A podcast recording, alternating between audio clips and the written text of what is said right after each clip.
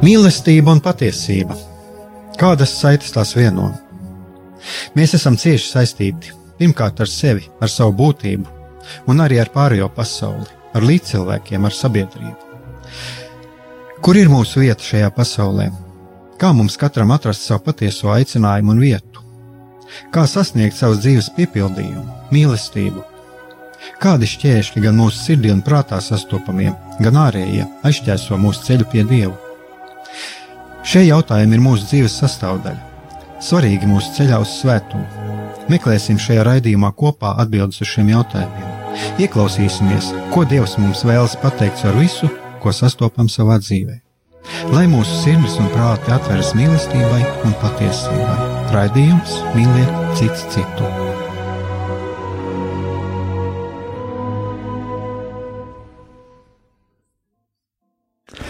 Lai top slavēts Jēzus Kristus, esiet sveicināti, darbie radio klausītāji. Šis ir redzējums mīlēt cits citu. Studijā esmu es Aigārs Brikmanis, un pie šodien mums arī viesojas Ineta Lansdovne.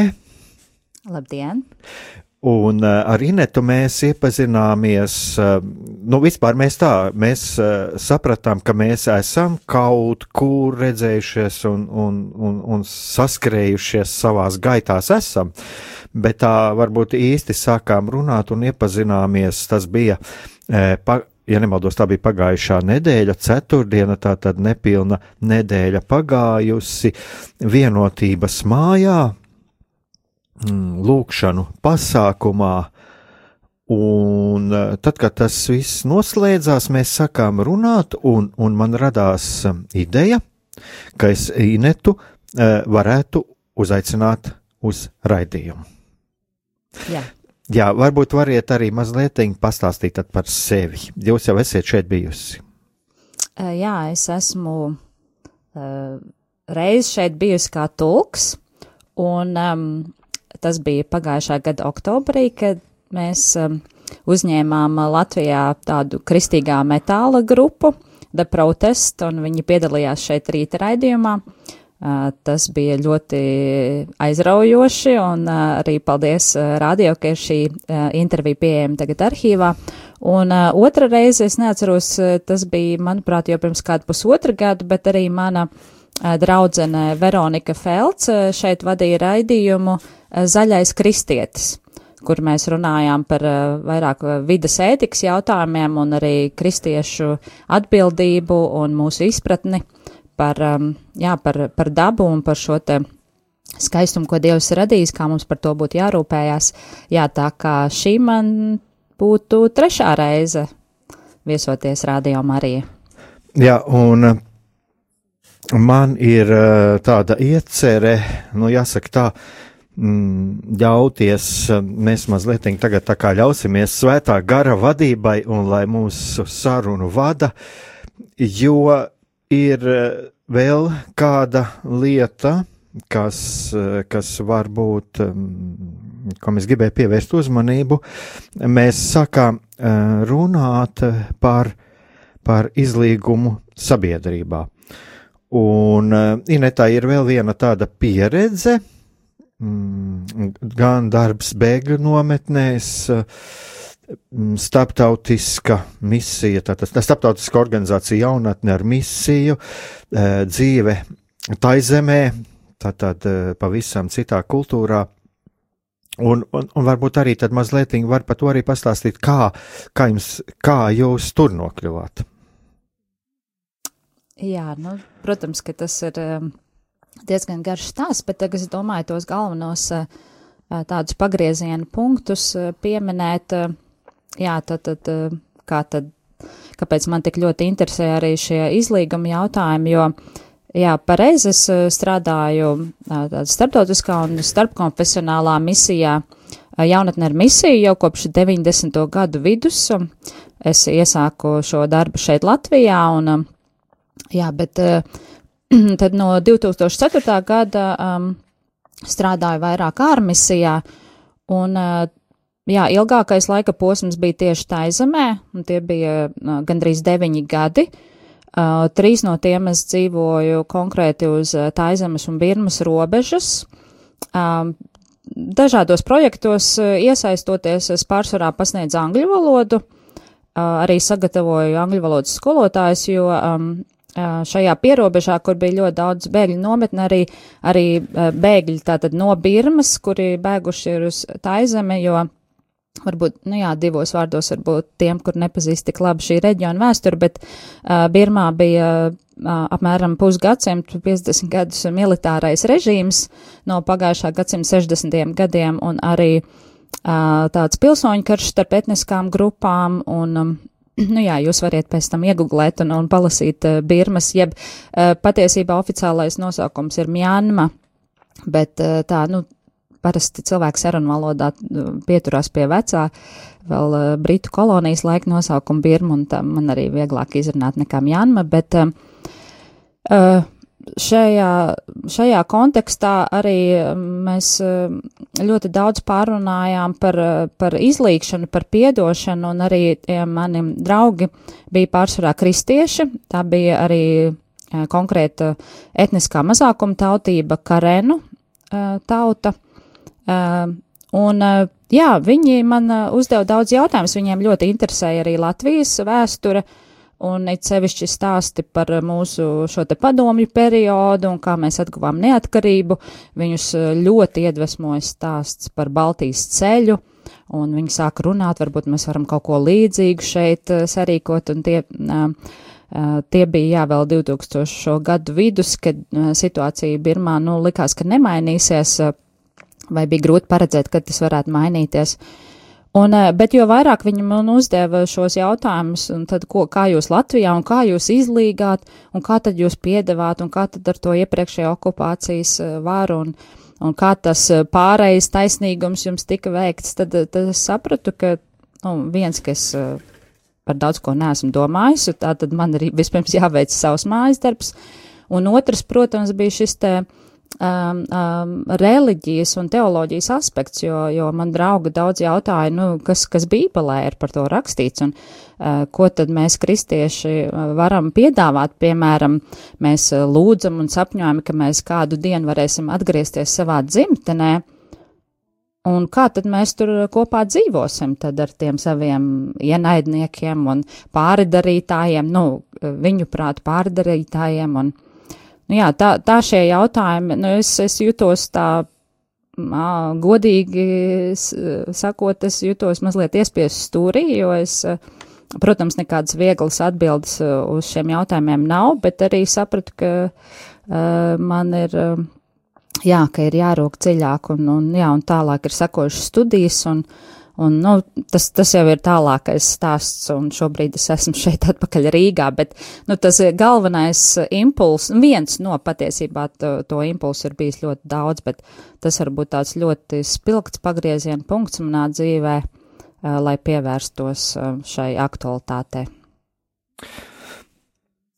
Jā, es, šeit ir arī tas mazlietiņa paskatīties mēs varē, varam arī tieši tajā jūsu pieredzes kontekstā, ja, jo eh, cik es atceros, kad mēs arī pēc tās tikšanās, ka mēs gājām uz tramvai pieturu, jūs arī mazliet tur pastāstījāt par vienu šo situāciju starp eh, turienes kristiešiem un budistiem, ja nemaldos.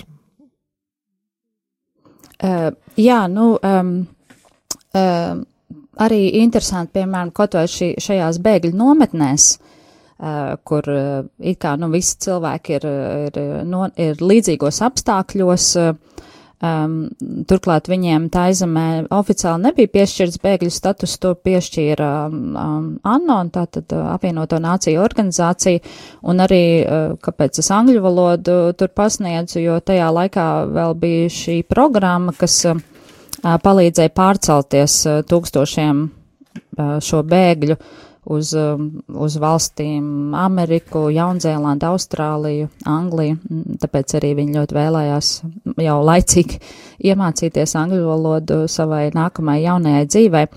Bet, nu, lūk, un, un, un arī tātad viņa palīdzību saņēma tādu, teiksim, tur pārtikas un, un, un, un, un tādu, nu, pamatvajadzību, ne, visas nepieciešamās uh, visus tos nepieciešamos resursus arī vairāk no tādām starptautiskām organizācijām, un tā kā arī Karēni ir kristieši, tad ļoti daudz kristīgās organizācijas palīdzēja tieši no, no, no dažādām valstīm. Un tad es ievēroju, viņi stāstīja, ka, piemēram, esot arī radies konflikts ar, ar, ar to bēgļu daļu, kur ir musulmaņi, un arī ar, ar budistiem, un, piemēram, bija kādi uh, kādi konflikti, kas bija saistīti tieši ar šo te palīdzību. Un bija jautājums, kāpēc kristieši palīdz tikai kristiešiem, kāpēc kristieši nepalīdz musulmaņiem vai budistiem. Un, un, un tas, nu jā, tas bija tāds izaicinājums, ko, ko viņi arī paši saprata, un, un, un tad centās, jā, šīs sienas jaukt, jo saprotot, nu tiešām, ka, ka mūsu kristīgā ētika un arī uh, visa uh, kristietība ir balstīta uz uh, sienu nojaukšanu uh, starp, starp cilvēkiem. Un arī uh, piedošanu, un, protams, šis aizvainojums, un it sevišķi uh, pret budistiem, jo uh, lielākā tautība, vairākuma tautība uh, Birmā ir birmieši, kur pārsvarā ir budisti, tātad, kur arī pārsvarā bija šajā te, nu, šī militārā režīma tātad atbalstītāji, vai arī tajā paši bija, un līdz ar to tas viss tā kā asociējās, tas bija vienā tādā, jā, tādā sasiets, tādā kūlītī, tātad birmietis, budists, un, un šis te rūgtums un sāpes, kas bija piedzīvotas, un, un to, protams, ka katrs saprot, ka, tev, ka tu var sākt tikai ar sevi pašu, Un šīs attiecības es redzēju, kā, kā tika veidotas arī konkrētajā skolā, kurā es pasniedzu angļu valodas skolotājiem. Tur bija dažādu arī reliģisko pārliecību šie skolotāji, un, un viņi veidoja šīs attiecības un arī uh, centās pamazām sākt runāt par šiem sāpīgajiem jautājumiem. Un uh, tas bija arī viens no tādiem, nu, maziem pienesumiem, ko es centos dot jau arī vēlāk, kad es jau, jau biju sākus arī gan studēt, gan, gan vadīt kādus seminārus, tad, eh, jā, nu, meklēt šos te rīkus, kas eh, palīdzētu ne tikai tādā starppersonu izlīgumā, bet jau vairāk, nu, tādā kolektīvā līmenī. Uh, bet tādus, nu, starppersonu izlīgums, tād, tādus stāstus, jā, es, es Es pazīstu personīgi draugus, kur, teiksim, izlīga un, un izveidoja arī draudzīgas attiecības eh, viens ar otru, un, protams, ar, ar to viss sākās.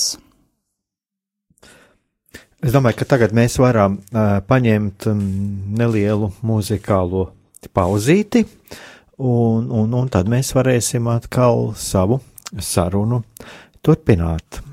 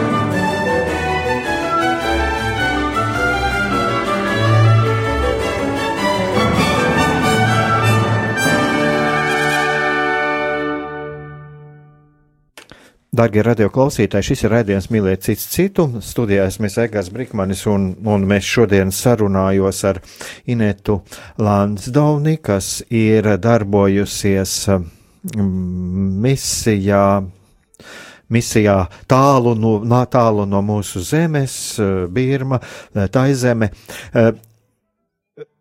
Jūs pieminējāties par mm, par režīmu. Un, un režīms, kas Birmas režīms, kurš ilgus gadus, eh, kur notiecošie bija budisti, es tā saprotu. Eh, kāda bija šo budistu vispār attieksme pret kristiešiem un pret citām reliģijām, jo eh, vai tur bija kaut kādas diskriminācija, kaut kādas vajāšanas, ja mēs runājam par izlīgumu, tad vai kaut kas tāds bija? Jā, nu, tā, protams, ir ļoti tāda plaša, gara, dziļa tēma, jo daudziem klausītājiem un, un, un vispār cilvēkiem var likties šis te vārdu savienojums budisms un militārisms vai budisms un nacionālisms vai budisms un vardarbība.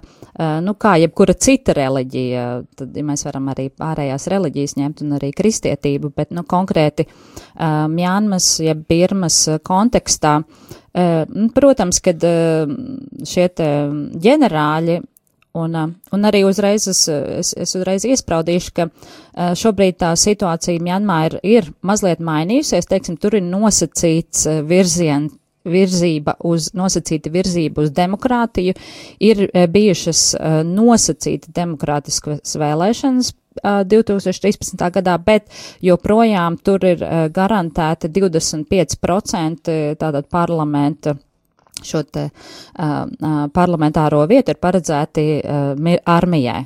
Tātad, nu, šī, tas joprojām um, armija kontrolē. Um, tas ir tādā likumiski nostiprināts? Jā, jā, tas ir likumiski nostiprināts. To, to to, protams, kad uh, šie demokrātiskie spēki cer mainīt nākotnē, bet, nu, uh, tās sarunas, kā, kā tas viss ir virzījies, ir tāds bijis tāds ļoti soli, soli pa solītim, pa maziem solīšiem, un um, tā kā, nu, ir arī pamatots bažas, ka tas var arī tā arī ar to var apstāties, un ka, um, jo tomēr jau neviens nekad tā ļoti brīvprātīgi savu vāru negrib atdot.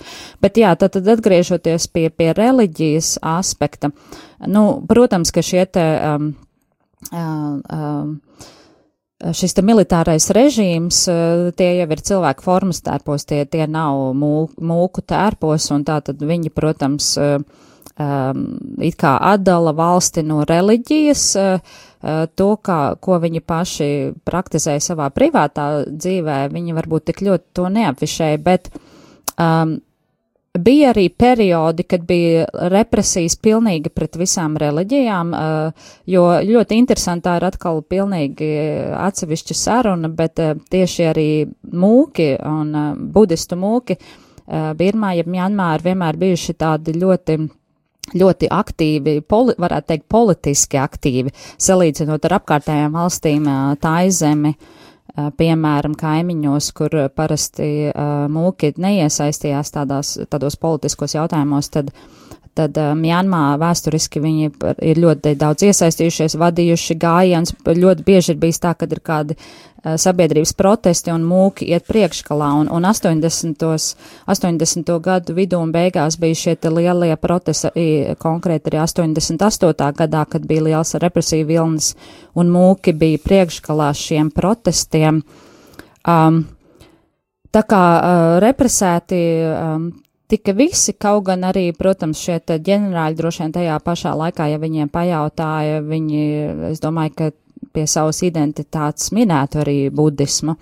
Uh, bet šobrīd, kad ir it kā nu nosacīti demokrātija, um, jaunā tendence ir um, uz tādu diezgan izteiktu nacionālismu, kur gan tiek savienota šī identitāte ar reliģiju, tātad būt birmietim, ja birmas pilsonim ir būt budistam. Nu, tas, tas tiek ļoti tā veicināts, un es domāju, ka daudz no šiem ģenerāļiem es pieņemu, es neesmu tur bijis pē, tagad pēdējos trīs gadus, bet es pieņemu, ka daudz no viņiem droši vien daudz reliģiozāki šobrīd, un, un varbūt vairāk naudas ziedo uh, tempļiem. Protams, ka budistu reliģiozitāte ir sa ļoti saistīta ar, ar dāvanu došanu templim, un, un, un šīs te zel, zeltītās pagodas, kas tiek celtas ar, ar, ar dārgakmeņiem, rotātas eh, galvaspilsētā Jangonā, šī slavenā švēpagoda ir, nu, ārkārtīgi skaista, bet, nu, tur, tur ir miljardiem, uh,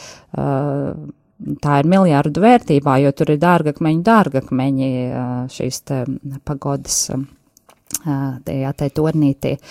Tā kā arī tur šobrīd tas mainās, un es jā, e, mani novērojumi ir, ka tas ar vien vairāk ieņem tādu nacionālu identitāti, kad, e, jā, tā tad mēs e, liekam vienādības zīmes starp savu tautību un savu reliģiju.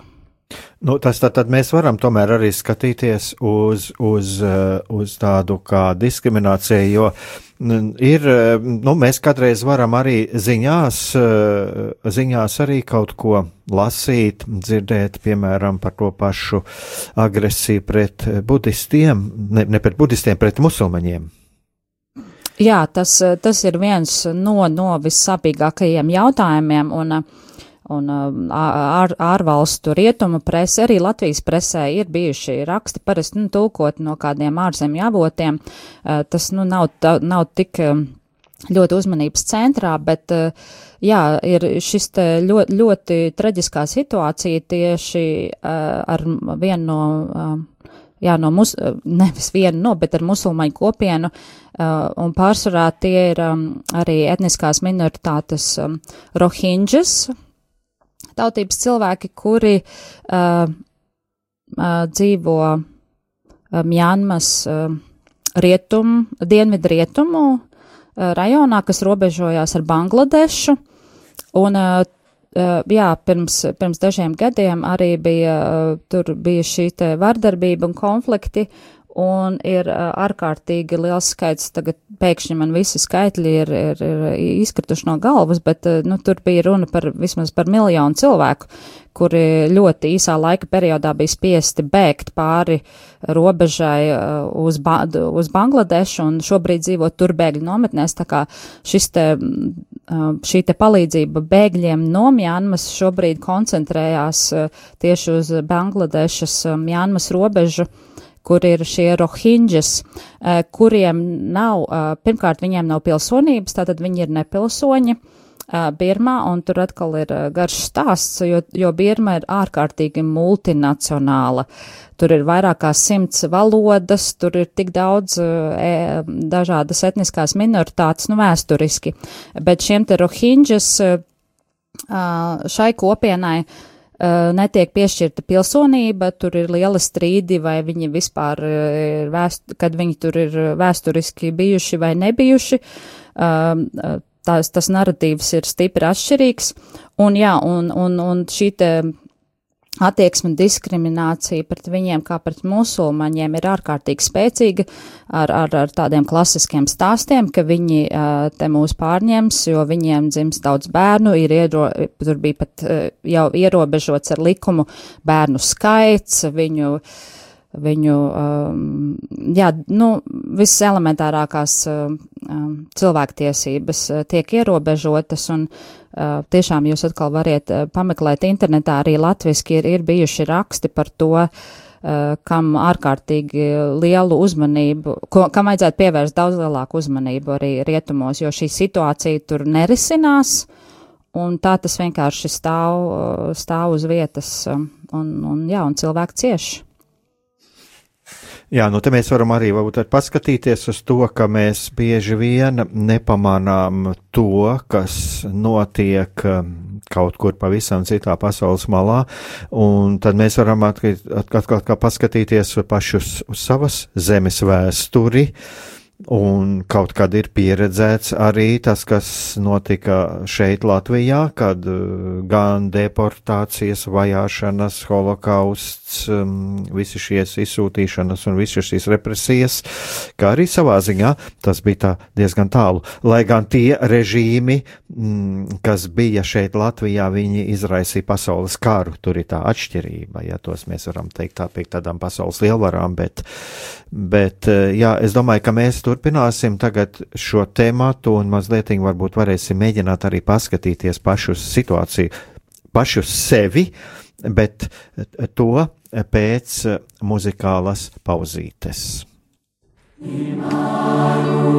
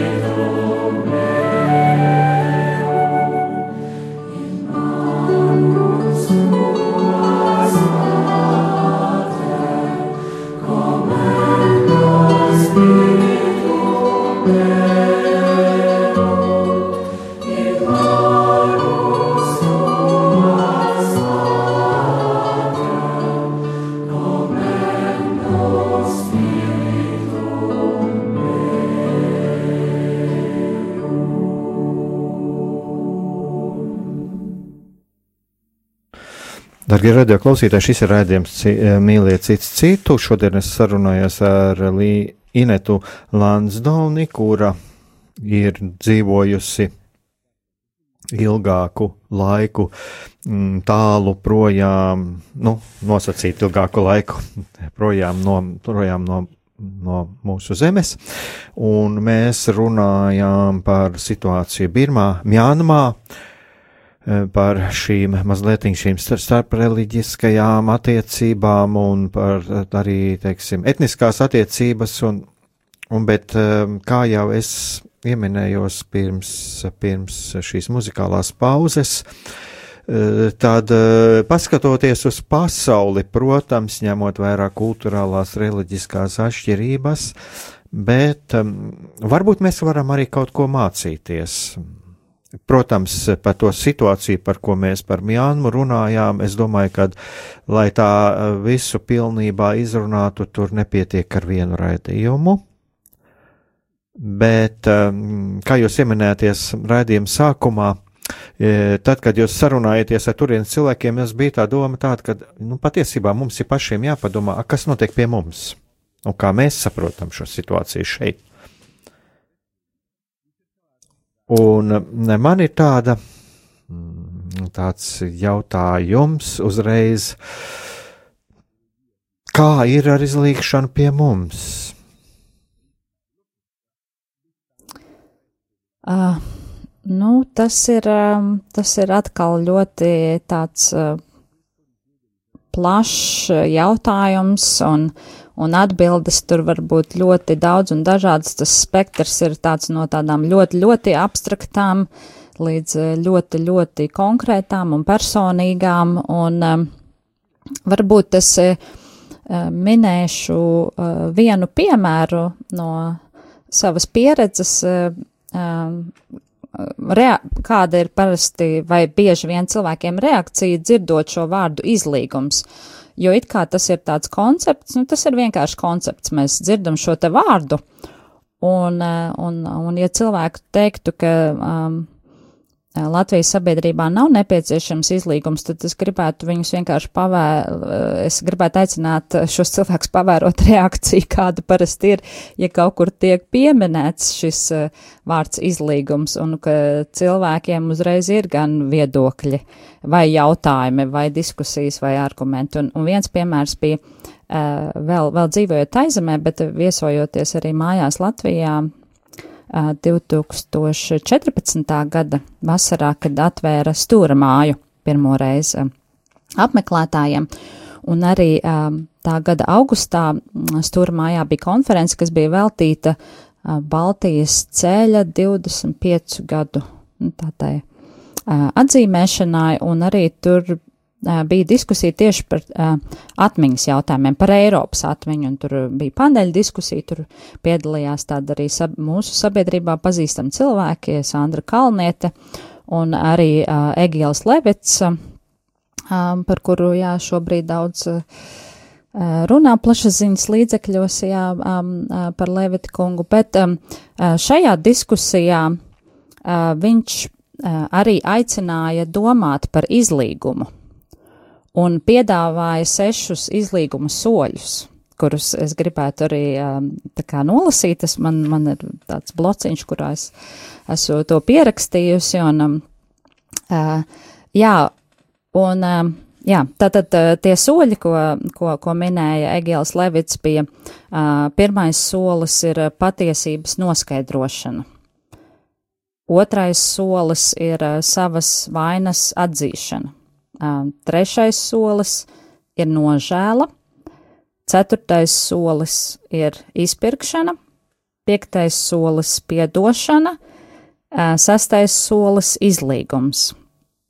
Uh, uh, nu jā, tā tad uh, Egils Levits minēja šo vārdu soļi, un arī viņu prāt tas notiek šādā secībā.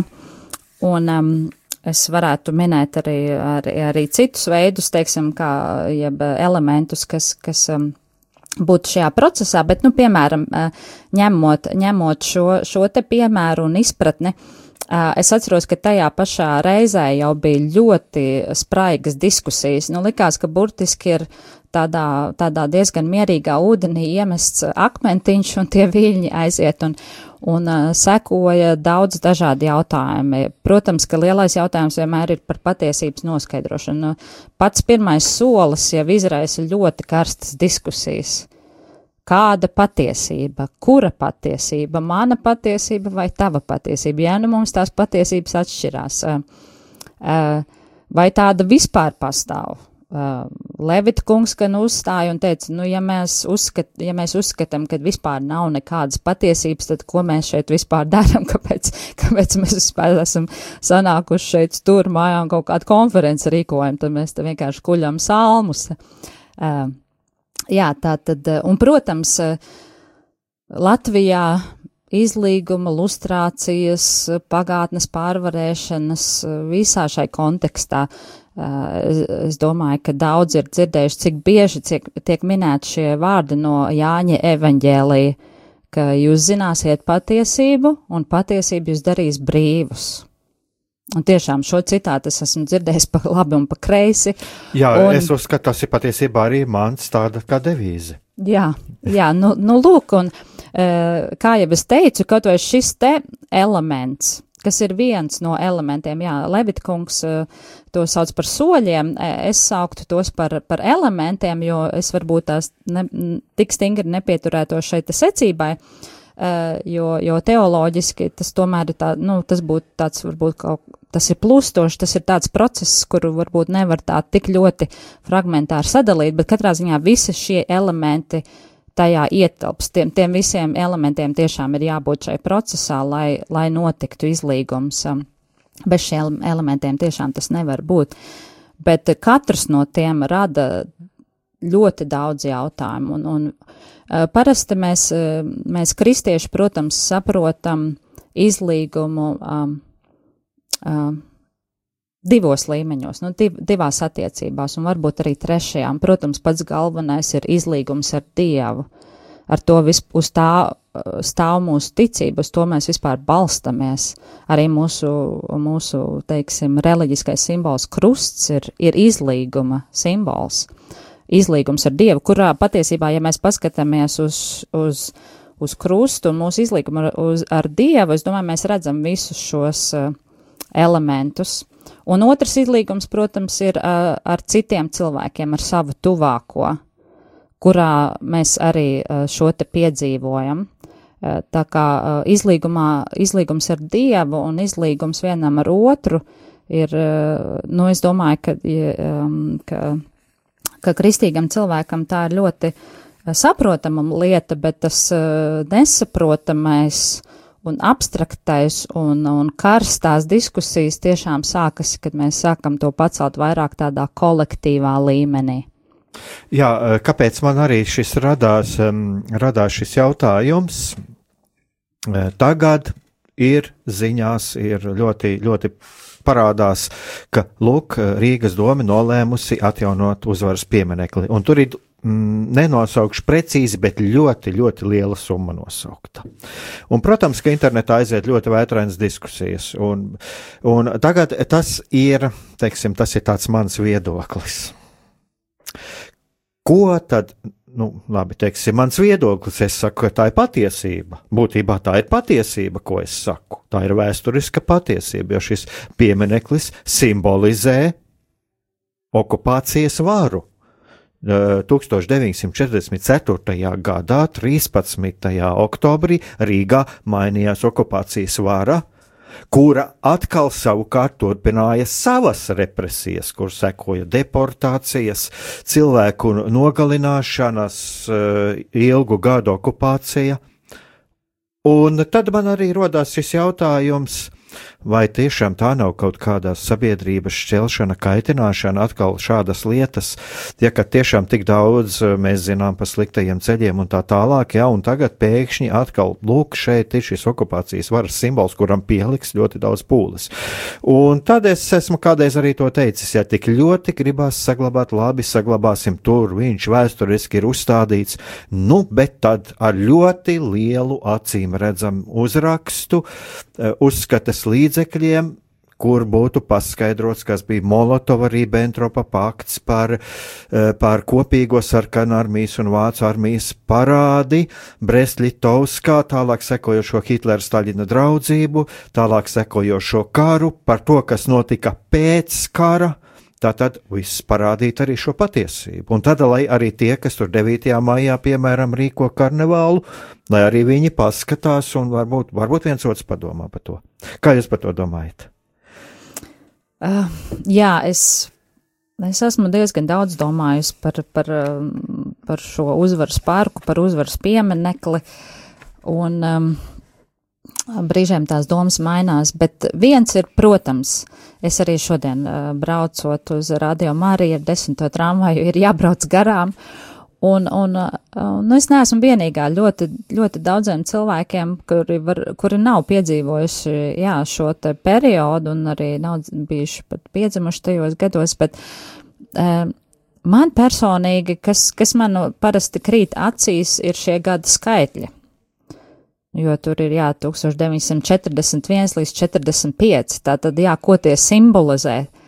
Uh, tiešām tas ir, jā, mē, mēs uh, izvalkam tikai šo te vienu, um, šos te dažus gadus, kas, protams, bija okupācija, viena no okupācijām, jā, zem viena no totalitāriem režīmiem. Un, jā, tā pirmā doma parasti ir, nu, kaut vai tos skaitļus novāktu, jau būtu labāk. Un, uh, Bet, eh, bet es saprotu um, šo te lielo vienmēr jautājumu sarežģīto un sensitīvo, uh, jo es esmu arī pāris reizes gājis 9. maijā um, vienkārši vēlējusies redzēt, eh, jo, nu, viens ir dzirdēt un, un paskatīties kaut ko ziņās un paklausīties citu viedokļus, bet es pati vēlējos, jā, redzēt, kā, ko, ko cilvēki, nu, kas tur notiek, kas tiek dziedāts, runāts, kā cilvēks svin, un, un es esmu gājusi pati 9. maijā, kad eh, kaut gan daudzi mani draugi un dažāda vecuma eh, cilvēki ir teikuši, es vispār turos tālāk no, no pārdaugavas, es par tur tiltam pārnēju, vai es uz to pusi nebraucu, vai daži pat varbūt no Grības, Rīgas grib doties projām. Es piedāvātu, ja man, ja es varētu vēl, vēl labāk apdomāt šo te ideju, bet um, kas man parasti nāk prātā ir, uh, kā varētu šo parku transformēt. Kā varētu šo te gan, gan nosaukumu transformēt? Pirmkārt, uzvaras parks. Protams, tad mums ir jārunā par kādu uzvaru mēs runājam. Uzvaru par ko? Un, ja lielākai sabiedrības daļai tas, tas pats jau tas vārds ir, nu, teiksim, tie gada skaitļi, vienam ir tā kā tāds sarkans karoks tur būlim priekšā vai, vai nosaukums uzvaras parks, uzvaras piemineklis, nu, protams, vēl tur varbūt tā, tālāk jau pats piemineklis vai ka tur ir karavīra formās. Un tur ir ļoti daudz šo te, šo te elementu, kas, kas izraisa uh, gan emocijas, gan atmiņas, un kas, jā, manuprāt, rada šķelšanos. Nu, var, var dažādi, dažādi mēģināt tā kā par to nerunāt, bet, nu, tas rada, tiešām rada šo šķelšanos, bet, ja mēs nerunātu par to, ka mēs vienkārši tur, nezinu, nolīdzinātu un taisītu kaut ko jaunu, Bet ir arī citi piemēri pasaulē, un varbūt es varu vēlāk ieminēties par vienu no tiem, kas, nu, jā. varbūt nu, mums jau pamazām arī raidījums iet uz noslēgumu, bet varbūt mēs varēsim kādreiz turpināt jā, par to runāt. Jā, bet tā tad mana, mana, mana, mans redzējums būtu, ka ja mēs varētu eh, atrast kaut kādu transfer, transformējošu veidu, kas ļautu mums kopīgi svinēt, bet jā, tur, tur mums tomēr būtu jānonāk pie kaut kādām kopīgām, kopīgām lietām, ko mēs varam svinēt tiešām, kā mēs, ka mēs visi esam cietuši, bet ka mēs uh, visi vēlamies iestāties pret totalitāru varu un pret totalitāru pagātni un uh, būt dziedināti, visi vēlamies būt dziedināti no šīs totalitārās pagātnes sekām. Nu, te, es domāju, un te jau arī šis jautājums ir tas, ko Egīls Levits pieminēja par to, tas viens punkts - patiesības atzīšana. Jo, lūk, te jau, jo izlīgumam tomēr ir vajadzīgas divas puses. Piedot var viena puse. Jēzus pie krusta teica, kungs piedod viņiem, ja viņi, piedod, jo viņi nezin, ko dara, un mē, mums ir nepieciešams piedot, bet tā pašā laikā neaizmirst to, kas ir noticis, un ja mēs skatāmies arī tagadas Krievijas politiku, nu, man pašam personīgi nav nekādas drošības. Tātad, pēc būtības, es esmu aicināts piedot, bet tomēr mm, ļaunums, ļaunums. Nenest sevi iekšā nepiedošanas rūkumu, bet uh, redzēt patiesību. Jā, nu, galvenais ir tas, ko mēs eh, zinām kā kristieši, ka mums uh, izlīgums būtībā ir tādā imperatīva formā. Tā, tā ir Kristus pavēle. Un arī visi šie elementi ir būtībā Kristus pavēle, jo mums ir, eh, mēs esam aicināti uz patiesību vienmēr un visur. Mēs esam aicināti uz piedošanu, mēs zinām, ka mums ir šīs atslēgas. Jā, vai, vai ja notiek izlīgums, eh, tad mēs esam gatavi piedot, jo mums ir šīs atslēgas, un mēs esam visi aicināti nožēlot savus grēkus. Visi mēs to katru reizi skaitam tēvreizē. Uh, tātad visi šie elementi un arī pati izlīgšana, uh, nu, tā ir Kristus pavēle, un tas attiecās uz mums visiem. Mēs visi, protams, esam grēcinieki, un, un krusta pakājē mēs esam pilnīgi vienādās pozīcijās. Jā, bet kā tad ir ar izlīgšanu? Vai es varu izlīgt, ja otrs negrib izlīgt? Uh, nē, protams, tas ir nē. definīcija. Jā, nē, nē, vai, nē. vai protams, ka izlīgums ir, ir, ir divpusējs process, jā, absolūti. Jā, nu tas ir apmēram tas. Tagad tādu vēl mazu, nu, mazā muzikālā pauzīte, un tad mēs iesim uz, uz noslēgumu.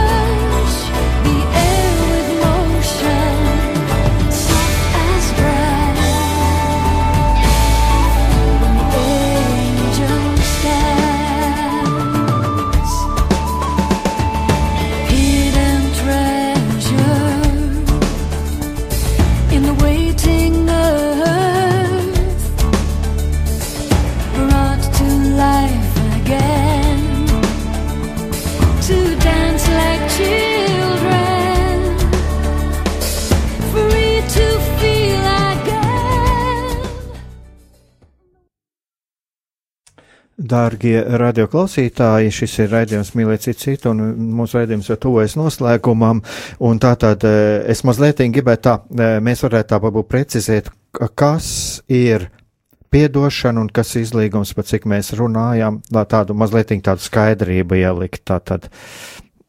Um, jā, nu tad, protams, runājot par izlīgumu, mēs runājam par to vēlamo rezultātu. Tas ir, tā ir attiecību atjaunošana, uzticības atjaunošana, um, cieņas atjaunošana, piemēram, nu, ja starppersonu, piemēram, es ar savu vīru, vai es ar savu mammu, vai ar brāli, un, un, un es domāju, ka daudziem mums ir šie stāsti, kā mēs piedzīvojam šo izlīgumu. Protams, tas ir apusējs. Uh, Dažreiz viens ir pārdarītājs, un otrs ir cietis, uh, citreiz abi ir darījuši viens otram pāri, un tad, jā, ejot cauri šiem visiem elementiem, un, un, un, piedošana ir tas, ko es um, ko es dodu, tā būtībā ir dāvana. Nav, es varu arī izvēlēties nepiedot, bet tad nu, nav šī izlīguma. Ja man kāds uh, lūdz piedošanu un es izvēlos nepiedot, nu, tad uh, otrs cilvēks, protams, man nevar piespiest.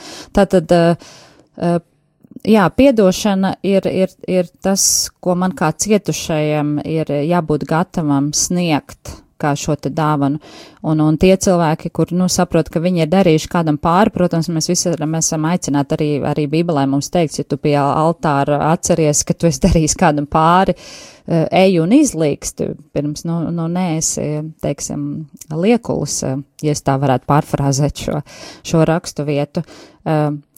Tā kā, jā, tas, tas piedošana ir, ko es daru kā cietušais, nožēla ir tas, ko dara kāds, kurš ir darījis man pāri, un kā jau mēs te runājām, klausoties skaisto dziesmu, ka um, visgrūtākie vārdi patiesībā dzīvē man pašais var no savas personīgās pieredzes, ka visgrūtākie vārdi, ko izrunāt kādam, ir piedod man. Tiešām pat vistuvākajās attiecībās ar savu vīru, uh, kuru es visvairāk mīlu, lūgt viņam piedošanu, tas ir, nu, man ir jāpārkāp kaut kādam milzīgam lepnumam pāri vai, vai lūgt savai mammai piedošanu. Uh, bet uh, bez, šīs te, bez šī te procesa tad nenotiek izlīgums. Tā ir galvenā atšķirība. Izlīgums ir tas rezultāts, uz ko Dievs mūs aicina, lai atjaunot attiecības, mūsu salauztās attiecības, vai tas ir starp divām personām, vai tas ir starp kopienām, vai tas ir starp nācijām. Uh, bet atjaunot cieņu un, un attiecības. Jā, un es jau gribētu no savas puses arī tā mm, pateikt, ka uh, piedošana, ja es piedodu, bet tiešām no sirds piedodu, un tas nebūtu neizdodas uzreiz, mums, starp citu, šeit arī runāts, teiksim, par piedošanas rekolekcijām, kur ir šis ceļš uz piedošanu, piedot neizdodas bieži vien uzreiz, bet piedošana, kad es esmu piedevis, tas uh, arī pašu cilvēku atbrīvo, jo cilvēks nedzīvo šajā rūkumā. Jā, piedošana ir process katrā ziņā. Ir dažreiz arī viena tā pati situācija. Es domāju, ka daudzi pazīst Lidiju Lasmanu vai, vai vismaz zina viņas stāstu. Viņa arī daudz ir stāstījis intervijās, kā viņa piedeva cilvēkam, kurš par viņu bija ziņojis, ar kuru viņa nevarēja izlikt, jo šis cilvēks, diemžēl, jau bija aizgājis mūžībā. Tātad viņa nevarēja ar viņu izrunāties. Viņa viņam ir piedevusi, un tajā pašā laikā viņa, viņa stāstīs jums, cik tas ir grūti, un, un cik joprojām ir brīži, kad viņa atcerās, un viņai sāp, un liekas, nu, nu kā tu tā varēji. Tā kā piedošana nav viegla, tā nav lēta, un, un tas var būt ilgs process, eh, bet tas ir tas ceļš, uz, uz kuru Jēzus mūs aicina. Jā, un tas ir galu galā arī ceļš uz brīvību. Un tas ir visās, visā, visā visumā, ja mēs skatāmies tā, nu jūs atzīsiet patiesību, patiesību darīs jūs brīvus, un viena no tām patiesībām ir piedot un atdot visu Dieva rokās.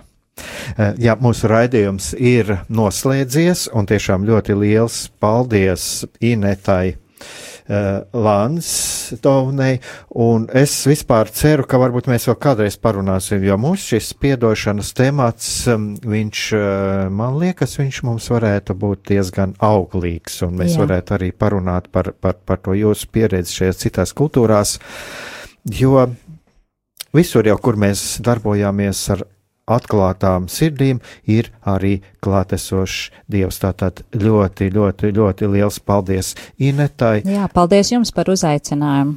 Jā, un uz, un uz cerību, eh, ar cerību, ka vēl kādreiz šeit studijā tiksimies, un lai mūs visus pavada Dieva žēlastība.